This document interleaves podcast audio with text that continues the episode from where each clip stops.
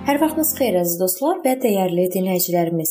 Hər kəsi salamlayıram. Mənim adım Sona və sizi Allahla Biştək adlı podkastımızda xoş gördüm.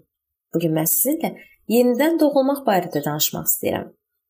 Əziz dostum, Rəbbin sözünə qulaq as və həqiqi Allahı dərk et. Səni onu daim eşitməyə çağırıram. Amma o təkcə öz sözünə görə səni xilas etməyəcək, günahlarını bağışlamayacaq və sənə öz mərhəmətini və lütfünü göstərməyəcək. Bütün bunlar o zaman baş verəcək ki, iqrar edib inanacaqsan, yenidən doğulacaqsan. Onun əmrlərini yerinə yetirəcəksən və onun kimi yaşayacaqsan. Çünki əgər o yenidən doğulmayan, imansız və iqrar etməyən, salih olmayan adamın bağışlasa, onun tərəfindən təqdim edilən həqiqi sayılmaz. Amma o həqiqətin özüdür Onda yalan heç bir şey yoxdur.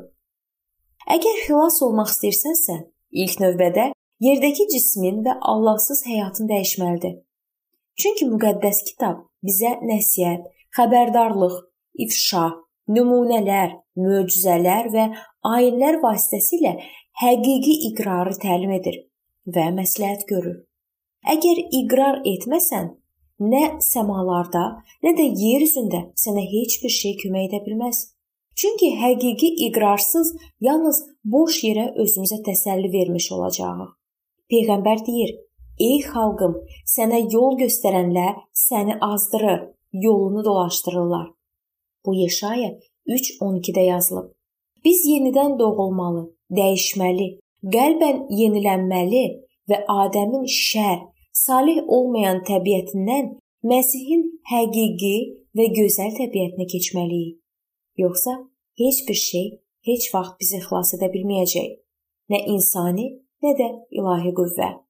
Həqiqi iqrar etməyən və yenidən doğulmayan istənilən adam, yəni mən yetkinlik yaşına çatanları nəzərdə tuturam, əbədi ölü adamdır. Bu gün kimi aydındır öz ruhunu aldatmaq istəməyən hər bir şəxs qoy bu həqiqəti vicdanının mücrüsündə yaxşıca qorusun.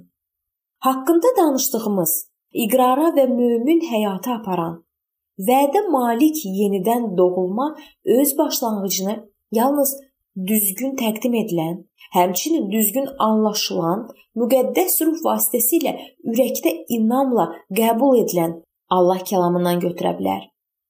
İlk insan ilk və dünyəvi olan Adəmdən doğulub. Buna görə də o təbiətən dünyavidir və Adəmə bənzəyir.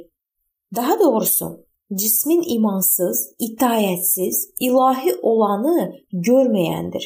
Kar və avamdır.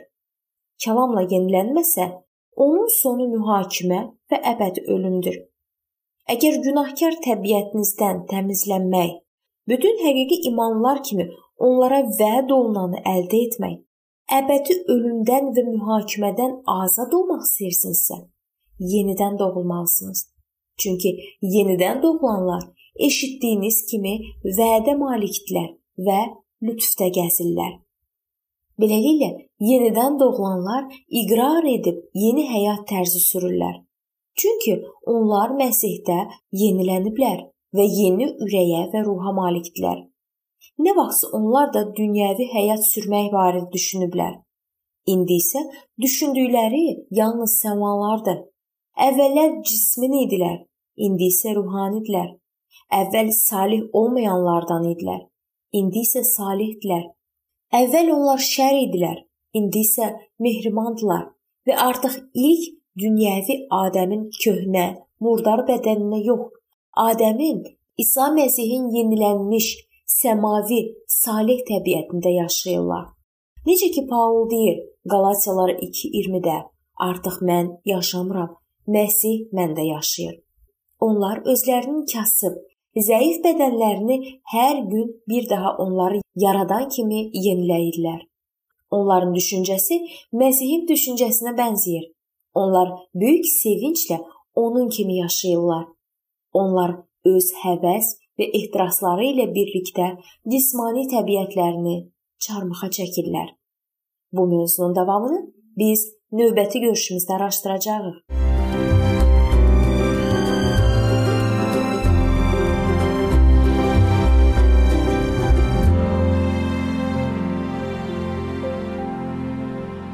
Beləliklə əziz dostlar, bu yerdə bu mövzu sona çatdı. Hər zaman olduğu kimi sizi dəvət edirəm ki, bizim podkastlarımızı Facebook səhifəmizdən və YouTube kanalımızdan dinləməyə davam edəsiniz. İndi isə mən sizinlə sağollaşıram və növbəti görüşlərdə görməyə ümidi ilə. Sağ olun, salamat qalın.